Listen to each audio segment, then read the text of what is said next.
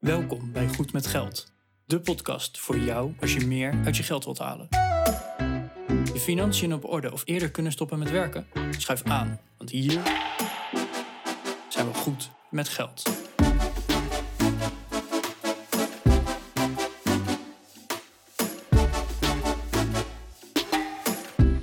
Aflevering 155 van de Goed met Geld podcast.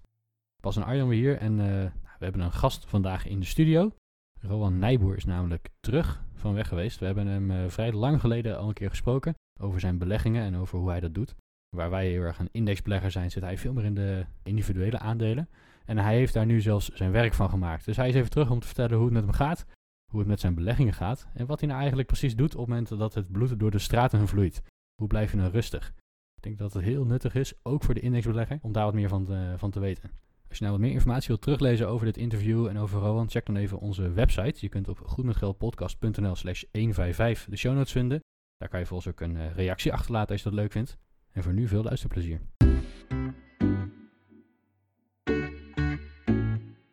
Goedemorgen Arjan. Hey Bas. Weet je nog dat we twee jaar geleden een, uh, een belegger in de show hadden? Ja, aflevering. Ja, dit heb ik opgezocht natuurlijk. 56. ja, dat is bijna twee jaar geleden. En uh, hij is terug. Rowan, goedemorgen. Hele goede morgen. Gaaf om weer terug te zijn, uh, Bas en ja. Arjan. ja, dit is echt twee jaar terug. Je was ja, een van onze e eerste gasten, denk ik zelfs, uh, kunnen we wel zeggen. Want we hebben er heel veel gehad in de tussentijd. Maar een van onze eerste gasten.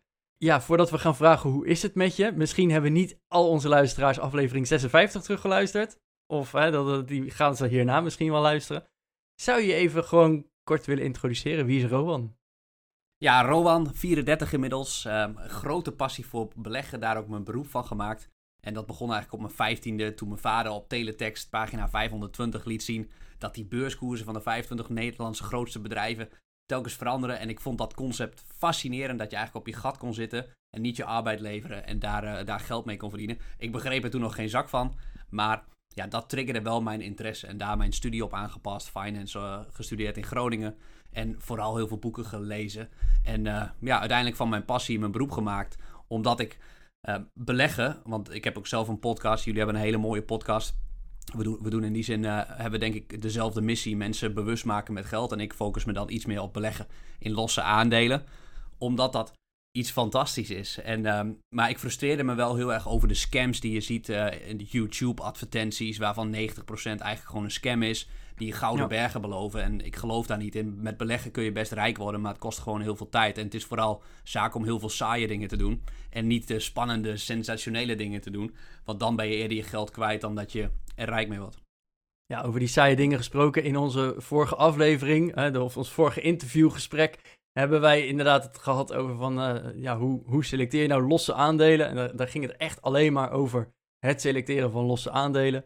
En daarin gaf je ook aan van, ja, ik ben gewoon minimaal 100 uur kwijt om überhaupt een beslissing te kunnen maken, ga ik dit aandeel kopen, ja of nee? Dus het, voor heel veel mensen zal dit dan saaiheid ten top zijn, want het is niet gewoon even in een appje denken, oh, die is nu 5 cent gedaald, laat ik die kopen. Nee, en het is ook de saaiheid dat je niet zegt van ik ga op de, op de hippe fancy aandelen zitten, want Tesla zal het wel goed gaan doen. Um, je gaf als voorbeeld uh, een, uh, een urinoirfabrikant. Je zag overal in publieke, in, restaurants en in kroegen enzovoorts steeds hetzelfde merkje terugkomen. Ja, dan zullen ze wel iets goed doen, nou dan ga ik daar eens naar kijken.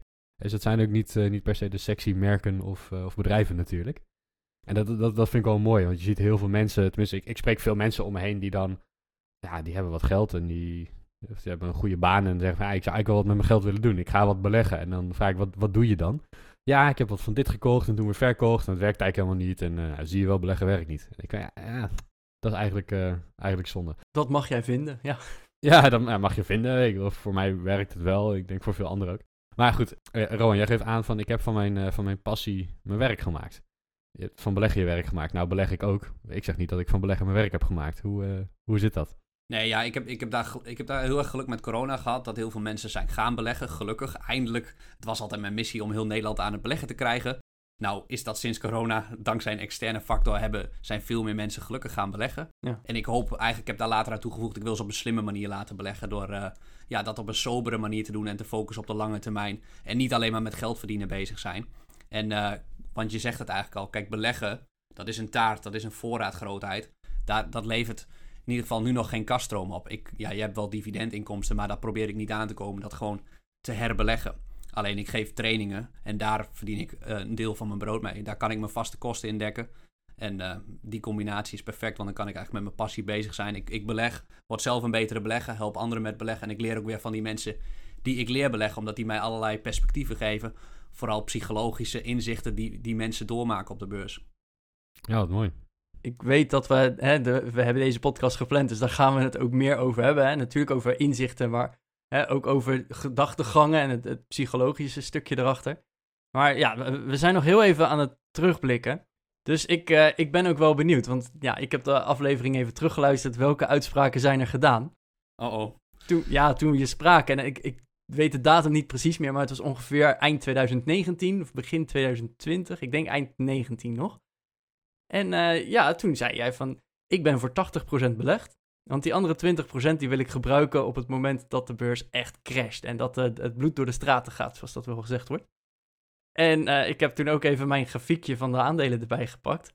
En in maart daarop, dus vier maanden later, is er inderdaad een aardige crash geweest. En dan ben ik eigenlijk wel benieuwd van, heb je toen inderdaad, ben je meer in gaan leggen? Uh, hoe ben je met die situatie omgegaan? Ja, ik ben, ik ben naar 100% gegaan van mijn belegbare vermogen. Maar ik was wel vrij vroeg daarmee. Dus na een 10% daling, toen zat ik al all in. Ik dacht, nou, zo'n zo, zo griep, zo, zo, griepje in China, we hebben heel veel, we hebben Mexicaanse griep gehad, van allerlei soorten griepen. Het zal wel niet zo'n vaart lopen. Dus ik, zat, ik heb er niet optimaal van geprofiteerd. Het lijkt toch gewoon moeilijk te zijn om dat te timen dan. Ja, ja kijk, ik geloof heel, heel vaak, ongetwijfeld hebben jullie die uitspraak ook wel eens gedaan van... It's not about timing the market, but it's about time in the market. Je wil zo vaak zoveel mogelijk belegd zijn. En bij voorkeur ben ik ook altijd 100% belegd. En, en ja. dat ben je nu nog steeds dus? Ik zit nu op 94%. Oké. Okay. Okay, en ben je, ben je dat dan aan het opbouwen of aan het afbouwen? Want toen gaf je aan van, ik vind dat de markt, dat de aandelen gewoon heel hoog gewaardeerd zijn. Dat je eigenlijk veel betaalt voor wat je er dan uh, voor terugkrijgt, laat maar zeggen. Maar op dit moment staat de markt nog veel hoger en uh, hè, zijn bedrijven nog meer overgewaardeerd misschien wel, omdat iedereen juist belegt. Hoe, hoe, hoe gaat nu dat percentage? Ja, alles is duur. Alhoewel ik wel denk dat er veel uh, techbedrijven wel, wel, best wel laag gewaardeerd zijn. Ook al zijn dat misschien niet de bedrijven waarvan je het verwacht dat ze laag gewaardeerd zijn. Maar uh, het is een beetje ideeënarmoede. Ideeënarmoede. Dat inderdaad nog steeds alles hoog gewaardeerd is. En als ik een goed idee heb, wat me dus best wel wat tijd kost, dan stop ik heel graag dat geld erin. En dan maakt het me niet zoveel uit dat beurskoersen nou op all-time high staan. Uh, maar het maakt me wel wat huiverig om gelijk in te stappen. Want de keuze, het zoeken naar ondergewaardeerde aandelen, het, het is gewoon schaars in deze markt. Alles is duur. Ja. Dat geldt niet alleen voor aandelen, dat geldt ook voor vastgoed en obligaties en andere beleggingsmogelijkheden, denk ik. Ja. ja. En, en beurskoersen aan zich maken natuurlijk niet zo heel veel uit. Of een aandeel nou 100 euro of 200 euro is, who cares. Het, het gaat uiteindelijk denk ik ook om de, ja, de verwachte winsten of de verwachte cashflow die, een, uh, die zo'n bedrijf gaat maken. Dat is natuurlijk wel wat meetelt. Uh, dus als we het hebben over de, de aandelen zijn heel duur, dan hebben we het niet per se over de, de prijs die op het stickertje uh, op de schappen staat. Maar we hebben het ook over de, de multiples, denk ik hè? Ja, ja, dat is wat ik tijdens mijn training ook altijd probeer te leren. Dat als je onderzoek doet naar een aandeel, iedereen begint altijd met de beurskoers en de grafiek daarna te kijken. En het liefst een beurskoers die gedaald is, want dan lijkt het goedkoper. Alleen wat je echt wil doen, wat jij heel mooi aangeeft pas, is het bedrijf bestuderen, die beurskoers negeren, bestuderen, bestuderen, bestuderen. En dan uiteindelijk tot conclusie komen, ja, dit is de waarde die ik bereid ben te betalen voor het aandeel, dit vind ik het waard. En pas dan ga je vergelijken met de beurskoers. En als die waarde dan boven die beurskoers ligt, ja, dan is het een no-brainer. Niet dat het altijd goed gaat, want de toekomst loopt soms heel anders uh, dan ik verwacht. Bij mij gaan ook lang niet alle aandelen goed. Maar dat maakt het beleggen ook het, het mooie spel dat het is. Kan je daar wat over delen, wat, wat niet goed is gegaan? Uh, in onze vorige podcast gaf je inderdaad aan van nee, drie op de tien aandelen gaan niet goed. Dat is 30 uh, en gemiddeld gaf je toen ook aan, ik heb zo'n 10 aandelen in mijn bezit. Kan je, kan je daar iets over vertellen en iets over delen? Misschien wel ook hoe de afgelopen twee jaar zijn gegaan? Ja, wat ik bijvoorbeeld voor corona niet goed heb gedaan, is iets op het gebied van portefeuillebeheer, dat ik iets te overbelegd was in de toerismesector. Ik had bijvoorbeeld aandelen Ryanair en AirCap, dat is een uh, vliegtuigmaatschappij en een vliegtuigleasemaatschappij. Mm -hmm. Ik dacht, die zijn ongecorreleerd, want de een profiteert van een crisis en de ander heeft last van een crisis. En dat zijn twee hele andere businessen. Maar als het hele luchtvaartverkeer pad komt te liggen, ja, dan word je daar toch wel door uh, eh, flink door geraakt. En Ja. dus heb je zelfs heel veel geluk gehad als belegger dat de overheid en de centrale banken je eigenlijk een bail-out geven. ehm, waarvan deels heel veel belastinggeld naar beleggers gaat, wat, waar ik wel wat van vind. Maar daar heb ik heel veel geluk mee gehad. En ja, dat is wel een fout geweest. Dus dat maakt je nog scherper in dat je in je portefeuille, als je met losse aandelen werkt, ja, dat je heel erg wil letten op die spreiding in die portefeuille. Hoe heeft de spreiding zich ontwikkeld in de afgelopen twee jaar bij jou, in jouw portefeuille? Ja, dat je bij elk aandeel allerlei scenario's gaat opstellen. Hoe kan deze, dit aandeel gecorreleerd zijn? Ja. En het liefst ook nog een omgekeerde correlatie. Ik heb deze bedrijven niet, maar KLM bijvoorbeeld is niet gebaat bij een hoge olieprijs. Shell weer wel. Dus als je daar een balans in vindt in je portefeuille, eh, dan, dan helpt dat heel erg. Nou ja. Hoe, hoeveel posities heb jij in je portefeuille nu zitten of, of gemiddeld? Op dit moment 10 en ik streef altijd naar 10 à 12 posities. Dat is eigenlijk niet veel voor mijn gevoel. Nee, ik zal het ook zeker beginnende beleggers niet aanraden. Begin, begin met wat meer, want het, je moet je beseffen... Kijk, ik stop er 100 uur in en eh, het is, ik doe het inmiddels 18 jaar. Het is mijn le- levenswerk, het is wat ik de hele dagen doe. En daardoor voel ik dat ik iets meer concentratie aan kan. Mhm. Ehm, want ja, te veel spreiding, ja, dan ben je ook... Als je meer dan 30 aandelen hebt, ben je eigenlijk ook wel, zoals ze dat zeggen, een indexknuffelaar. En eh, ja, Dan kan je beter een index kopen. ja, ja, Ja. ja, niet als je, niet als je het natuurlijk super leuk vindt. Want eh, beleggen in losse aandelen verandert ook wel mijn kijk op de wereld. Want je, je bent wel. Je, als mens ben, je, ben ik continu aan het denken: waar rendeert mijn tijd het beste? Mhm. Maar Ja. als belegger ga je ook kijken: waar rendeert mijn geld het beste? En eh, voor, voor jullie is dat waarschijnlijk eh, voor een deel dat je gaat index beleggen. Dat je je tijd ergens anders wil inzetten en dan gaat index beleggen. En eh, ja, voor mij is dat dan niet zo. Maar als belegger wil je wel heel goed een manier van beleggen kiezen die echt bij je past en bij je leven aansluit. Ja. Hey, ik hoorde in een, eh, in een andere podcast, best wel een tijd geleden, dus iemand die zei van je moet eh, specialiseren om geld te verdienen en diversificeren om het te behouden. En dat vond ik wel een hele mooie. Dus ei- eigenlijk is dat precies wat ik doe. Misschien vind ik het mooi omdat het is wat ik doe. Hè, dus er, er zit iets van een bias in, denk ik. Maar ik ben heel erg gespecialiseerd in mijn vakgebied. Daar heb ik een eigen bedrijf in en daar verdien ik best wel aardig geld mee. En als ik dat blijf doen, kan ik heel veel actief inkomen vergaren. En dat volgens allemaal passief aan het werk zetten in een index. En bij jou is beleggen ook je werk. Hè? Dus dan, dan mag je daar ook wat meer concentratie in aanbrengen en wat, wat meer tijd mee kwijt zijn. Maar dat is denk ik voor de luisteraar even belangrijk. Dat als je, een- als je een drukke baan hebt en 40, 50 uur in de week aan het werk bent, daar veel geld mee verdient. Ja, bes- besef je wel, een aandeel selecteren is meer dan alleen maar even de, Giro-app openen en zeggen ik koop dit aandeel, want ik vind het leuk of het staat laag of hoog of wat dan ook. Of Elon Musk is op tv geweest of nou, whatever. Eh, b- besef je dat daar echt heel, heel, heel veel onderzoekstijd in zit. Ja. ja, ik gebruik ook in mijn trainingen wel eens de quote is... Mensen die gaan beleggen in losse aandelen, die denken dat gaat, dat gaat wel even goed. Die hebben een paar mooie ideeën over de toekomst. Eigenlijk is dat hetzelfde als je bij Mike Tyson in de ring stapt. Ongetraind. Het kan wel even goed gaan. Je kan even tijdelijk goede, goede rendementen halen, maar uiteindelijk krijg je klappen. Ik heb, ik heb Ja, twee klappen ontweken en ik heb hem een facelap gegeven. En, eh, zie je wel dat ik het kan? Ja, ja, ja. Als vechtsporter vind ik dit een leuke metafoor. ja, Oh, je bent vechtsporter. ja. Oké, oké. Dat is maar goed dat we op afstand zitten. Eh, ja, geen boksen. Ik hou niet zoveel klappen op mijn hoofd. Dat, voor mijn werk kan ik dat ook niet gebruiken. Dus ik doe wat anders. Maar ja, mooi. Nee, het is een hele mooie. En het is, het is ook een... eh, ik, ik geloof dat het eh, generaal Patton uit de Tweede Wereldoorlog... die zei ook zoiets van... eh, elk, elk plan is geldig totdat het eerste schot gelost wordt. En, en ik denk dat die een beetje in dezelfde hoek zit. Ja, als je gewoon even een plannetje maakt... Ja, dat, dat kon wel eens vies gaan tegenvallen in de, in de praktijk. Ja. Hey, ik wil even een hele brutale vraag stellen. Jij hebt ooit eens geroepen, of misschien wel op je website zelfs gezet.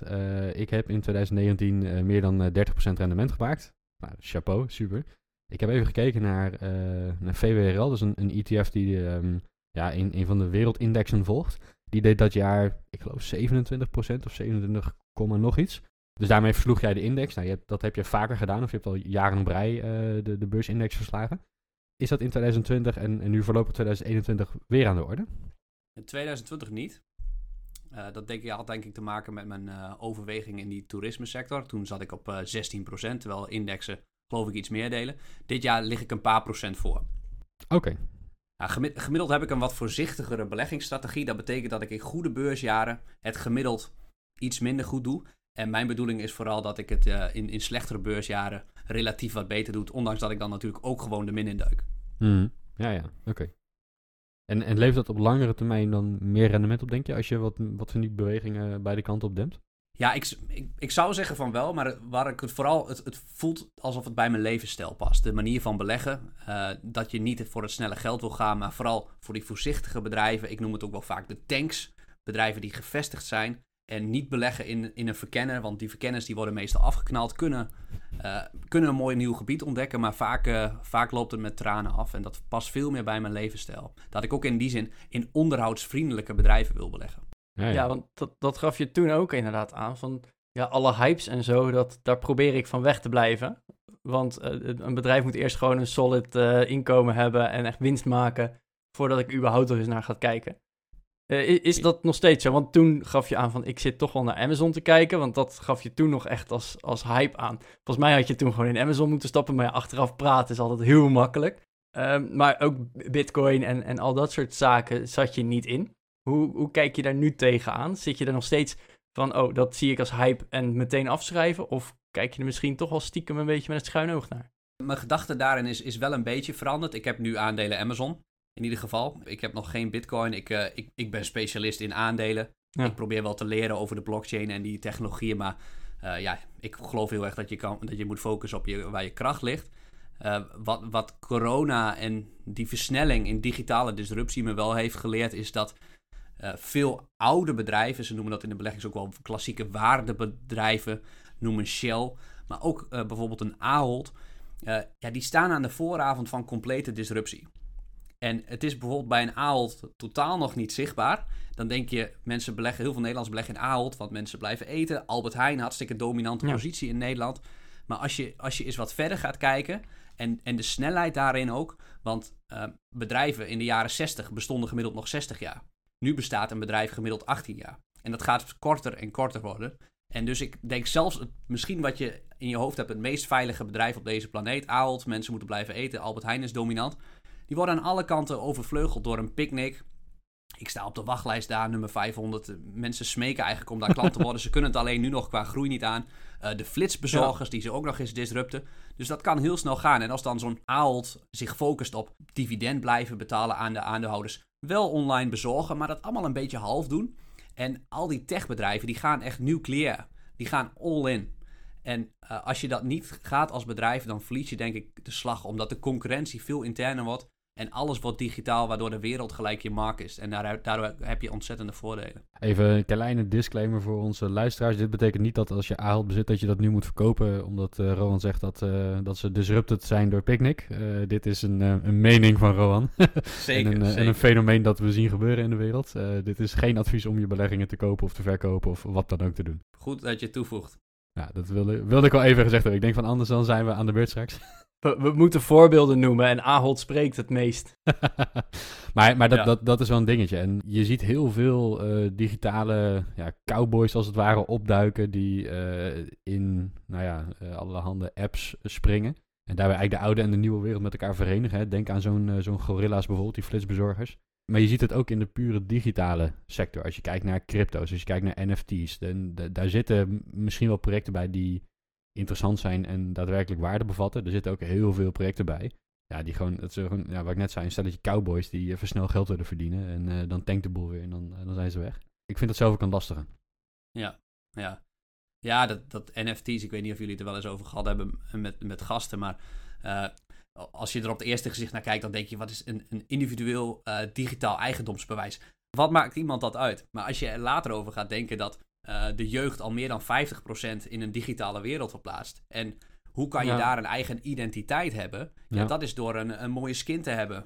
Uh, ja. Niet meer een Armani-jas uh, te kopen, maar een, een, skin. Ja. ja, en dat niet alleen. Je ziet ook hè, dat, dat mensen vroeger, nou nu nog steeds, maar er werden er schilderijen gekocht. En van dat schilderij is er maar één. Ja, waarom zou je geen digitale kunst kunnen maken waar er maar één van is? En je kan wel een kopie van het plaatje maken, of een kopie van het filmpje, of een kopie van wat dan ook. Maar jij, jij hebt de echte. En dat geldt natuurlijk voor een, uh, voor een schilderij van een Rembrandt net zo. Je kunt het naschilderen of er een foto van ophangen. Maar het is niet de echte. En ik denk dat dat steeds meer gaat komen. Wat ik zelf heel interessant vind, en in een kleine disclaimer weer, uh, NFT's niet doen omdat wij het erover hebben. ik heb zelf ook geen NFT's. Ik kijk er wel met een schuin oog naar, ik vind het toch wel interessant. Is dat je ziet dat mensen in één keer allerlei shared eigendom van zaken hebben. Die dan via, via NFT's en over de blockchain heen verdeeld gaan worden. Dus er is laatst een project geweest in Amerika waarin een van de oorspronkelijke, um, uh, ik geloof dat dat de onafhankelijkheidsverklaring was. of een van de oorspronkelijke eh, grondwetten misschien, een, van, een van die twee documenten, die is gekocht door een groepje nerds op het internet, die daarvoor geld hebben eh, opgehaald eh, via, eh, via crypto. En dus gezamenlijk zo'n ding hebben gekocht. Ja, en van wie is die dan? Nou ja, van dat groepje. En dat wordt in de blockchain vastgelegd enzovoort. Dus dat, dat, zijn, wel, eh, dat, dat zijn wel zaken waarvan ik denk van ja, daar, daar zit wel heel veel potentie in. Ja. Het huis van Michael Jordan ook, geloof ik. Die wordt ook weer op zo'n manier eh geveild. Dat stond te koop, niemand wilde het hebben, niemand kon het betalen. Zijn er 12.000 nerds die het wel samen kunnen betalen? Oké, we kopen het samen, weet je wel. Dan moet je je voorstellen dat je met 12.000 man naar de notaris gaat. Dat gaat niet werken.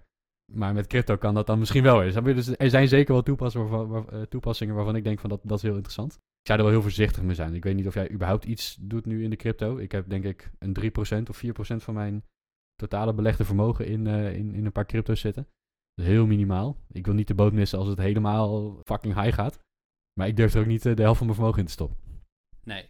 Ja, ik, ik heb helemaal niks in de crypto. Ik probeer daarover te leren door er eh, ja, boeken over te lezen of te bestuderen. Allerlei NFT-begrippen of Web3 of blockchain. Eh, maar ik doe daar nog niks mee, want ik voel dus echt dat mijn kern bij aandelen ligt. En ja, dan heb ik niet de relatief beste rendementen de afgelopen jaren gehad. Maar als ik die 15,7% de af, van de afgelopen 10 jaar, ook de komende 10 jaar heb, ben ik helemaal gelukkig. En waarom zou ik in crypto beleggen om dan gelukkiger te zijn? Want dan voel ik dat ik me ook een beetje laat leiden door van... Ik, ik doe het voor geld en ik beleg niet voor het geld. Ik beleg omdat ik het leuk vind. En het gevolg is, als je het leuk vindt... en eh, dat, dat je daar vaak met dingen geld mee verdient. Ja. Alright. Ja, we zien eh, natuurlijk heel veel gebeuren in de markt. Hè. Je hebt het over disruptors, we hebben het over eh, allerlei digitale assets eh, gehad. Eh, hoe, hoe blijf je rustig? Eh, ik, ik ben zelf van nature vrij onrustig. Ik blijf als zo'n zo'n jonge hond overal achteraan rennen van... oh, dat is leuk nu, dat is leuk, nee, dat is leuk. En ik temper mezelf door... Ja, ik heb een appartement in de verhuur, daar kan ik niet zo heel veel mee kopen en verkopen. Dat, is, dat ding is er en nou, ja, dat is een beetje te groot om elke keer te gaan kopen en verkopen. En mijn aandelen, dat zijn indexfondsen. Ik koop elke maand wat en elke keer als ik weer sta te stuiteren van... oh, dit is gaaf, denk ik van... nee, doe het nou maar gewoon in die index, want dan, dan komt het ergens op de lange termijn wel goed. Hoe doe jij dat? Hoe, hoe pak jij dat aan? Ja, wat mij heel erg helpt, omdat zeker bij losse aandelen is je eigen mindset is 50% van de puzzel. 50% analyse, 50% van de puzzel. En als je het over indexbeleggen hebt, is waarschijnlijk psychologie 99% van de puzzel. Want als je eenmaal je analyse hebt gedaan naar je indexfonds, wat je heel geschikt vindt, is het alleen nog maar eh, puzzelen. En toch leggen best wel veel indexbeleggers het af tegen de index, omdat ze toch proberen te timen, omdat ze dus onrustig worden. En Mhm. wat mij daarbij heel erg helpt, is, is het stoïcisme. De leer daarin, waar ik ook de laatste tijd... Ik ben, ik ben een beginnend stoïcist, eh, zou je kunnen zeggen. Ik ben geen... Heb je zo'n heb je zo'n munt ook, of niet? Nee, nee, nee. Die zag ik zo- online laatst langskomen. Oké, oké, dat ken ik niet eens. Nee, Nee. nee. Nee, maar het, het boekje van Marcus Aurelius uh, over pijnzingen, meditations, die heeft, heeft me daarin wel veel geïnspireerd. Het is een heel taai boekje, maar als je elke dag voor het slapen gaan eh, vijf pagina's even leest, Slaap je eh, gegarandeerd, hoor ik al. ja, dat klopt, dat klopt, dat klopt. En dan heb je, heb je langzaam je boek uit. Maar het stoïcisme heeft me heel erg geleerd dat je je moet focussen. En dat is de kern, denk ik, van het stoïcisme. Over, over dingen waar je controle over hebt en waar je geen controle over hebt. Zoals eh, Max Verstappen is eh, wereldkampioen geworden. Eh, ik weet niet wanneer jij deze aflevering live vond, maar dit, dit is vrij, vrij vers. En hij heeft heel veel geluk natuurlijk in dat laatste deel. En of je nou thuis voor de tv zit te kijken, je hebt geen enkele invloed, geen controle op de uitslag.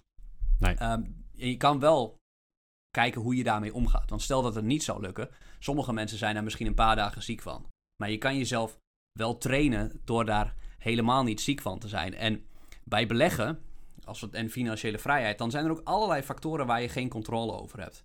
En een mooie oefening daarbij is ook het boekje van eh, Mark Tuiten, Drive, train je de stoïcijnse mindset. Geeft een hele praktische oefening. Dat je bijvoorbeeld op een papiertje een cirkel zet en daaromheen schrijf je allerlei factoren waar je als belegger geen invloed op hebt. Dingen zoals inflatie, rente, overheidsstimulatie, centrale banken. Je hebt er echt geen invloed op wat ze gaan doen. Maar toch staat het in de headlines, in de kranten. En het maakt mensen heel onrustig. Wow, die inflatie steekt nu de kop op. Uh, dat betekent dat aandelen mogelijk gaan crashen, want die rente moet omhoog. Je hebt er geen invloed op. Dingen waar je wel invloed op hebt, zet je in die middelste cirkel. En dat zijn zaken als ja, in welk aandeel stop jij je geld? Hoe kijk je daarna? Zoom uit op de lange termijn. Wat is die stip op de horizon en hoe ga ik daar stap voor stap komen? En bij indexbeleggen is dat waarschijnlijk door periodiek gewoon te kopen. En dan maakt het niet uit eigenlijk of die inflatie nou hoog of laag is, of de rente nou hoog of laag is, of de economie nou goed of slecht gaat. Op de lange termijn maak je je daarmee weerbaar, want dat is ook stoïcisme. Het is een overlevingsstrategie voor de toekomst. Uh, dat je je weerbaar maakt voor crisissen, voor tijden met tegenslag. Ja, dus ik vind stoïcisme altijd een heel lastig woord. Want het, het, wat zegt het nou precies? En eigenlijk zeg je, met stoïcisme leer je dus uh, dat je je moet druk maken om de dingen waar je inderdaad wat aan kan doen. Hè? Daar, daar moet je dan misschien ook wel wat mee doen.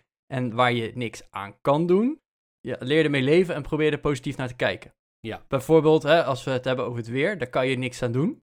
Uh, het, hè, als het nu de zon schijnt, nou, dan, hè, meestal ben je dan wat blijer dan wanneer het regent. Maar als het regent, wees dan op zijn minst blij dat je een paraplu hebt. En kijk er op die manier naar en ga niet zitten mok van, oh, het regent. Ja, ja. Ja, en um, wat ik wel eens doe, is wat daarbij helpt, is een negatieve visualisatieoefening. Dat als je, even simpel gezegd, als je je ogen sluit en je beeldt je in dat je blind bent, dat je niet meer kan zien. Nou, als je dat een tijdje gaat doen, je zit op de bank of op de wc, waar je dan ook uh, langere tijd eventjes verblijft, dan ga je je eerst heel ellendig voelen. Je gaat dat internaliseren. Ik ben blind, wow, ik, ik, ik verlies zoveel dingen in mijn leven. Maar als je dat wat langer doet, dan krijg je op een gegeven moment een soort geluksgevoel. Want ook als je blind bent, kan je nog steeds dat geluk vinden. Ja. Ondanks al die ellende, dat gaat niet gelijk lukken. Maar als je dan je ogen weer open doet, dan ben je niet blind en dan ben je op dat moment gelukkig. Dus het levert een soort van twee dingen op. Je hebt op dat moment, je leeft in het nu, want je beseft na zo'n negatieve visualisatieoefening, ik ben gelukkig. En je maakt je weerbaar voor tegenslag, want je gaat naar dat punt toe. En als we het hebben over beleggen, ja, doe eens zo'n oefening voor jezelf waarin aandelen over een maand 50% lager staan. Ja. Beeld je dat eens in. Wat, doet het dan met je en uh, wat, wat, wat voor gevoel geeft het je en kan je er wat aan doen? Nee, waarschijnlijk niet. Uh, plus, uh, na een tijdje gaat het ook weer stijgen. Ik had dat heel erg toen inderdaad anderhalf jaar geleden met de, de corona-crash waar we het over hadden. Aandelen 40% eraf geloof ik. Dan zit je heel erg in de hype, hè, want het is op elke nieuwszender en elke headline. Big crash, ja. En ook pushbericht dat je krijgt, is het aandelen door de, door de helft en grote paniek, ellende. Ja, dan kan je inderdaad voor kiezen om je helemaal in die emotie te laten meevoeren. En je kan ook zeggen, ik neem een stapje terug en ik ga even kijken naar de fundamentals en de lange termijn. Uh, heb ik een dak boven mijn hoofd? Ja. Kan ik uh, mijn rekening betalen? Ja, want ik heb nog wat geld op de bank. Heb ik nog een inkomen? Ja. Oké, dan maakt het dus niet zoveel uit. Heb ik het geld morgen nodig? Nee? Oké, dan maakt het dus echt niet uit. En ik denk dat het stoïcisme, ik ben niet per se een aanhanger of een, of een uh, practitioner of hoe je het wil noemen. maar ik denk dat het wel heel erg helpt om, om je hoofd koel te houden.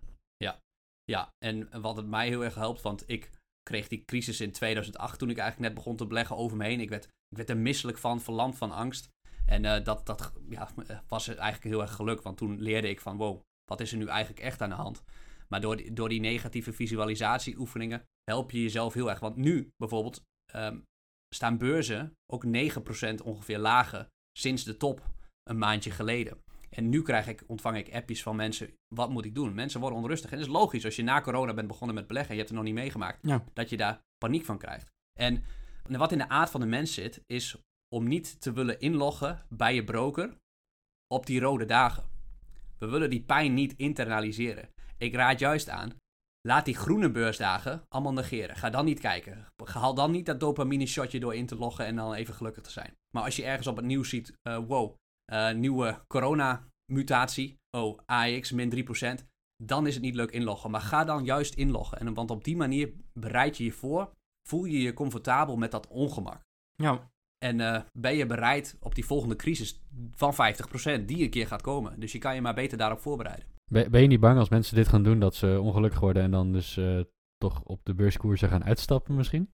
Ja, heel, hele goede vraag. Kijk, ik denk dat de meeste mensen niet op een 9% daling gaan uitstappen. Waar ik heel bang voor ben, en dat blijkt ook uit de, de wetenschap, dat de meeste mensen stoppen bij die grotere crashes. Want dan slaat de echte stress toe en dan wil je echt vluchten. Dus je kan maar beter voorbereid zijn op die volgende crash. Want we weten nu allemaal wel, oh, als er een volgende crash komt, gaan we bijkopen. Maar op het moment dat je in die crash zit, in die paniek, waarin iedereen om je heen zegt dat je moet wegwezen, ja, dan wil je ook weg zijn. Want we horen nu ook alleen maar verhalen dat beleggen goed gaat in, in crypto, in aandelen, alles gaat goed. Mhm. Maar vergis je niet dat er heel veel mensen tijdens corona uitgestapt zijn en voor definitief niet meer willen beleggen. Die verhalen hoor je natuurlijk niet, de mensen die daar verliezen pakken. Ja. Nee, het zijn inderdaad altijd de positieve verhalen die je dan wel hoort en, en die het grootste schreeuwen. En als, als ik inderdaad naar mezelf kijk, ik, ik heb de crash dan alleen uit 2020 meegemaakt.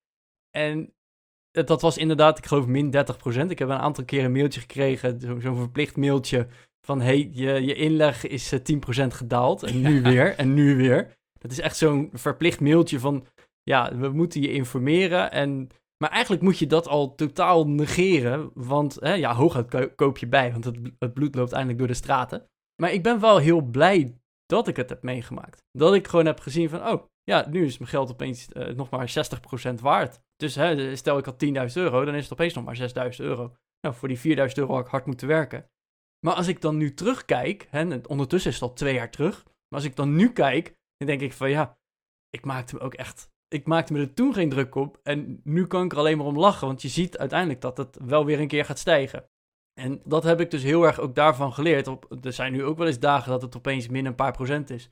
Nu is mijn belegd vermogen opeens veel meer. Eh, want ik heb hè, elke maand braaf ingelegd. Dus dan zie je ook opeens dat daar eh, eh, opeens een, maandsalaris of zo in de min staat. Elke dag weer. Ja. In een dag, hè? Dan verlie- verlies je in een dag een maandsalaris. Dat je denkt, nou oké, morgen zal het er wel weer bij staan of zo. En dan, dan kijk je inderdaad een paar dagen later en dan staat het er ook gewoon weer bij. Dus ik, ik denk dat zo'n crash meemaken misschien ook wel heel fijn is voor sommigen. Of tenminste in ieder geval voor mij, maar ik denk ook voor sommige mensen. Dat je ook leert van, ja, eh, part of the game. Ja, ja en dat, dat, dat klinkt heel conflicterend of zo van... Wees blij als je aandelen diep in het rood staan. Maar dat, dat, zeker als je net begint met beleggen, dat, dat is gewoon echt zo. Ja, Ja, je kan het beter doen als je 1000 euro belegt hebt dan als je 100.000 euro of een miljoen euro belegd hebt. Eh, dan, dan doet het veel meer pijn inderdaad. Scheelt wel, ja. ja, ja. En Ja. dan wil je niet op die paniekknop drukken. Nee. Ja. Krijg je nou echt veel mensen die, eh, ehm, die, die met dat soort, eh, ja, hoe zeg je dat, Eh, zorgen bij jou te komen? Je, je, je geeft trainingen natuurlijk, je hebt eh, informatie op je eigen podcast, op je website over, over beleggen. Dus jij, ja, je leert mensen allerlei zaken omtrent beleggen. Krijg je heel veel berichten die, die hoog in die emotie zitten? Ja, best wel. Best wel. Zeker in, in zulke tijden. En dan vooral van degenen die net begonnen zijn na corona. Mensen die al lang beleggen weten dat, dat dit gewoon een ruis van de dag is. Kijk, een 10% daling. We hebben eigenlijk na corona alleen maar vrijwel één rechte lijn omhoog gezien. Ja. En in andere jaren daarvoor is het heel normaal dat je meerdere 10% correcties in een jaar ziet. Heel normaal. En nu is er dan eentje. En dan eh, kan ik me heel goed voorstellen dat mensen dat heel vervelend vinden. En ja, ja die, die, die probeer je dan dingen in perspectief te laten plaatsen. En ehm, ja, als, zeker als je helemaal net begonnen bent met beleggen en je staat gelijk in de min. Ja, dan, dan zak je de moed in de schoenen. Maar die wil je echt laten uitzoomen op dat perspectief. Wat, wat wil je op de hele lange termijn bereiken? Nou, voor velen is dat bijvoorbeeld een vorm van financiële vrijheid. Een paar dagen minder werken of een mooie wereldreis maken. En dat, dat kan prima. En het betekent niet dat als je dan 10% lager staat, dat dat doel dan in één keer weg is. Nee. Verre van. Het is gewoon het systeem van de beurs, de menselijke psychologie, dat de beurs schommelt. En dat, dat weet je, daar heb je geen controle op. We hebben nogmaals geen controle op de menselijke psychologie. We hebben alleen controle op hoe we er naar kijken.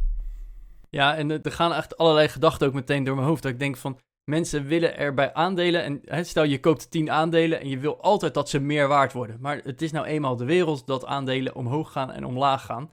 Eh, maar je blijft 10 aandelen houden. Terwijl, nou, hoeveel mensen hebben in Nederland wel geen auto? Een auto, er zijn maar heel weinig auto's die meer waard worden. Ze worden allemaal minder waard en toch kopen we allemaal een auto. Dat vinden we allemaal goed. En ja. dan is het wel normaal. En weet je, en terwijl bij aandelen moet het per se omhoog gaan. Ja, tuurlijk, ze gaan ook een keer naar beneden. En mensen weten dat dan wel half, maar eh, het- doel is omhoog. En dat het dan opeens omlaag gaat, dat is dan raar. En, en dan denk ik ook wel van, ja, misschien had je, sommige, misschien moet je je dan wel gewoon even iets beter inlezen. Dat je ook gewoon weet van, hé, hey, dit gaat gebeuren. Of zoom dat grafiekje nou eens uit van wat is er in de afgelopen vijf jaar gebeurd. Eh, is het nou, hè, het is nooit een rechte lijn omhoog. Ja, mijn ervaring is daar ook dat eh, ondernemers best wel goede beleggers zijn, omdat ze niet zo bang worden van die beurskoersstijging en daling. Want ze hebben zelf een bedrijf. En als dat bedrijf het goed doet, het maakt veel winst, het levert vette producten voor klanten, wordt dat bedrijf meer waard. En een ondernemer in een BV is niet elke keer, elke dag bezig met wat is mijn bedrijf waard, wat is de beurskoers, want die heeft dat niet. Ehm, dus die kan ook veel beter het loszien van wat doet een bedrijf, waar we het in het begin eigenlijk ook over gehad hebben, en wat is de beurskoers. En die beurskoers is niet relevant. Die is gewoon niet relevant.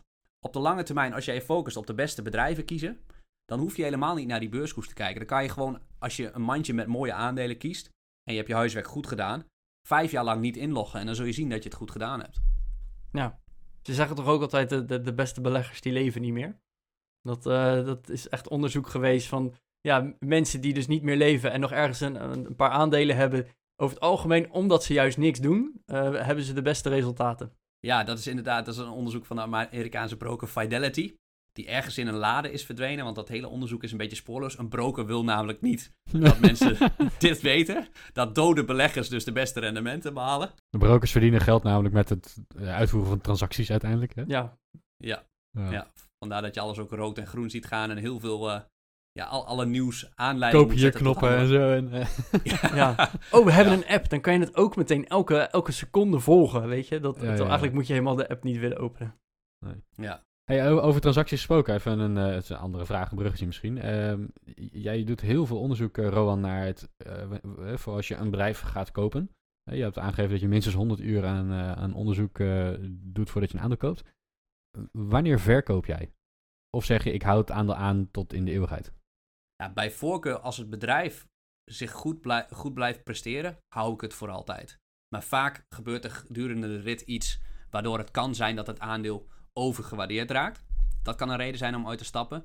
Wat, wat meestal ook een reden is om uit te stappen, is als ik een fout gemaakt heb in mijn analyse.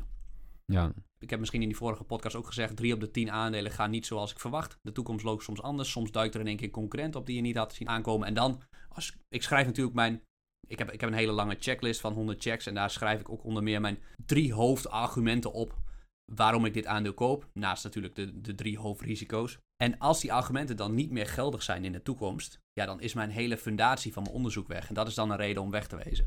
Ja. ja precies. Ja. En soms gewoon in je verliezen te pakken. Of corona en je zit in een vliegtuigmaatschappij. Dat kan ook dan eh, de Ja. omstandigheden veranderen. Nee, maar Ja. betekent dat ook dat je dan op dat moment, als je een exit maakt, dat je daar ook weer dat onderzoek naar doet? Of, of hou je dat veel lichter in de gaten als het ware? Omdat de basis al ligt. Ja, de basis ligt er al. En het grote werk zit in het eenmalige onderzoek van het kopen. En daarna volgt het monitoren Mhm. van de kwartaalcijfers volgen. En kijken Ah, ja. of er niks gebeurt in die competitieve positie. Of het management geen rare dingen doet. En als dat wel zo is, als er iets raars gebeurt, dan kan een reden tot verkoop zijn. Maar dat is niet, dat, dat is het lichte werk, zeg maar. En koop je op bestaande posities be- veel bij? Ja, bij, voor, bij voorkeur koop ik altijd in bestaande posities bij. Want die ken ik dus door en door. En als daar een kans zich voordoet, dan eh, doe ik dat wel. Interessant. hey, en eh, je, gaf het al aan in de de vorige podcast ook dat je inderdaad eh, ja, trainingen en, en, en cursussen geeft in beleggen en in het, het selecteren van aandelen.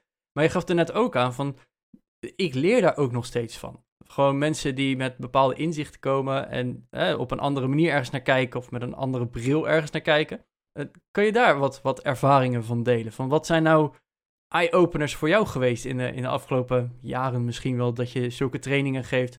Van, oh, op die manier had ik er nog niet naar gekeken en misschien moet ik het wel zo doen. Of wat, welke aanpassingen heb je daar voor jezelf misschien wel gedaan? Ja, nou, een hele praktische is dat ik in mijn trainingen continu analyses krijg van mooie bedrijven. En heel veel mensen om mij heen verzamel die werken bij hele interessante bedrijven. En die mij informatie geven over de bedrijven in mijn portefeuille. Dus je bouwt eigenlijk een netwerk op als belegger. Terwijl ik in de eerste jaren vooral de kluizenaar was. En alleen maar jaarverslagen ging bestuderen, bedrijven bestuderen, alles online doen. Heb ik nu, door die trainingen en ook door de podcast die ik heb, een heel netwerk. Dus eh, recent doe ik dan een oproepje in mijn trainingen in een podcast. Wie werkte met Shopify producten? Wie heeft daar een website op? Welke, welke website bouwbedrijven maken Shopify winkels? Nou, dan heb ik een leger aan mensen die me informatie geven. Want als belegger heb ik een grote achterstand. Ik weet namelijk niet altijd de gebruikservaring. Ik ben een generalist. Ja. Hoe kun je dat specialisme, de kennis over die gebruikservaring toch verzamelen? Is door mensen uit de industrie te vragen. En daarvoor Ja. kan je in die trainingen heel makkelijk je netwerk gebruiken.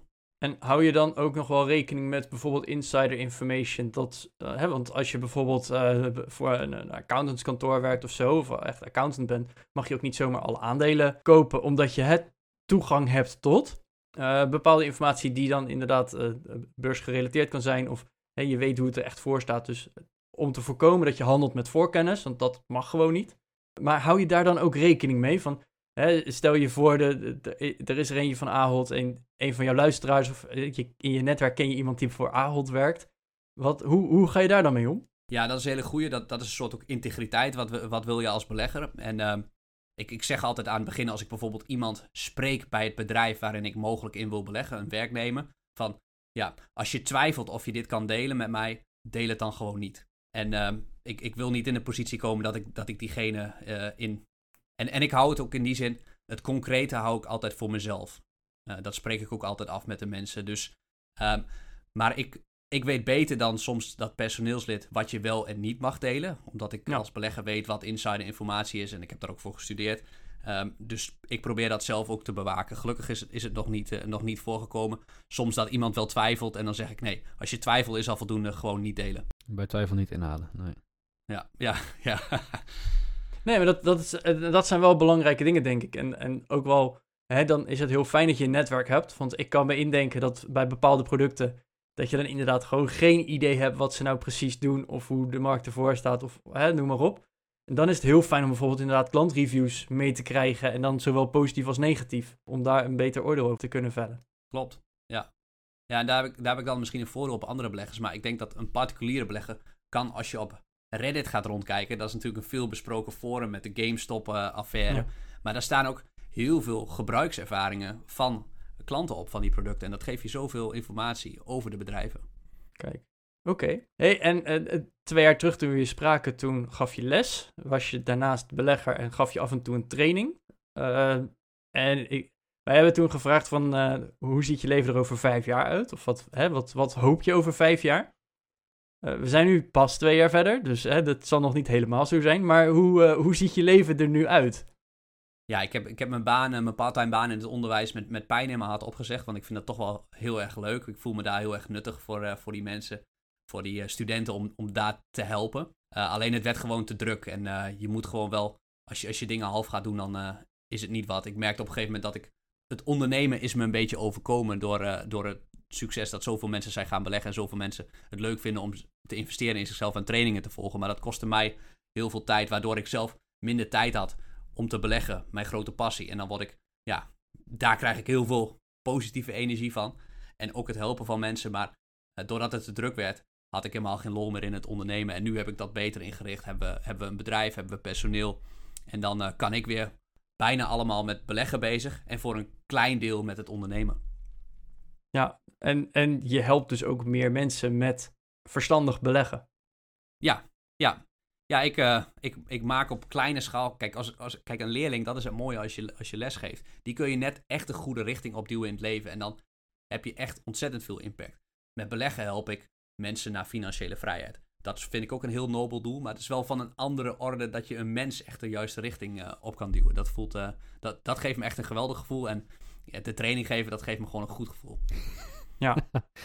ja mooi onderscheid. Uh, ja, Rowan, uh, we hebben je al eerder geïnterviewd, dus de vijf vragen, die gaan we niet nog een keer stellen. Want ja, de grote financiële blunder, die maak je hopelijk maar één keer in je leven. Dus uh, beste luisteraar, wil je die terugluisteren, aflevering 56, het interview met Rowan. maar Rowan, ja, we, we, zijn wel twee jaar verder en ik, ik ben wel benieuwd, wat is je grootste takeaway van de afgelopen twee jaar? We hebben corona gehad, je bent gaan ondernemen, je, je hebt je baan opgezegd. Wat is nou de grootste dat je zegt, ja, van de afgelopen twee jaar, dat neem ik het meeste met me mee. Ja, als ik zeg, mijn ontwikkeling is vooral dat de psychologie van de mens als belegger het belangrijkste is. En dat verwacht je gewoon niet dat als je aandelen gaat uh, analyseren of gaat indexbeleggen, dat dat zo belangrijk is. Want ik zei al, indexbeleggen, de meeste indexbeleggers leggen het af tegen de index, omdat ze continu gaan timen en hun ego, ego meenemen. En ik heb ook de afgelopen jaren verder bestudeerd, want 80% van de particuliere beleggers verslaat de index niet. Nou, als je, wie, wie hoort bij die 20%? Een aantal heeft daarvan geluk. Maar er is ook een bepaalde groep die structureel op lange termijn, op 10, 20 jaar, die markt verslaan. Wat doen die dan? Dat zijn niet de beste analisten, die kunnen niet het beste de jaarverslagen doorlezen. Maar die zijn gewoon continu met hun eigen mindset aan de slag. Om daarmee een bepaalde filosofie uit te stralen. En die ook leven als een belegger. Ja. Leven als een belegger, wat houdt dat in? Ja, dat, bijvoorbeeld, dat, uh, bijvoorbeeld wat ik uh, zei met het het leven met ongemak. Ah. Dat betekent de meeste grote beleggers doen aan een bepaalde vorm van meditatie. Of um, wat ik zelf bijvoorbeeld doe, is uh, elke dag een koude douche nemen. Nou, ik douche niet elke dag, maar als ik hem douche, dan, uh, dan douche ik hem koud af. En dat is toch dat, dat ongemak wat je even opzoekt. En ja, Tim Ferriss heeft er eigenlijk ook een hele mooie quote over van... Hoe meer je zweet in vredestijd, hoe minder je bloed in oorlogstijd. En daar geloof ik wel heel sterk in, dat je je kan voorbereiden op zo'n crisis. Oké, heel mooi. Ik wil ook nog even reclame maken voor onze eigen podcast natuurlijk. We hebben hier, hier ook wel eens over gehad dat ik bijvoorbeeld zelf zat van...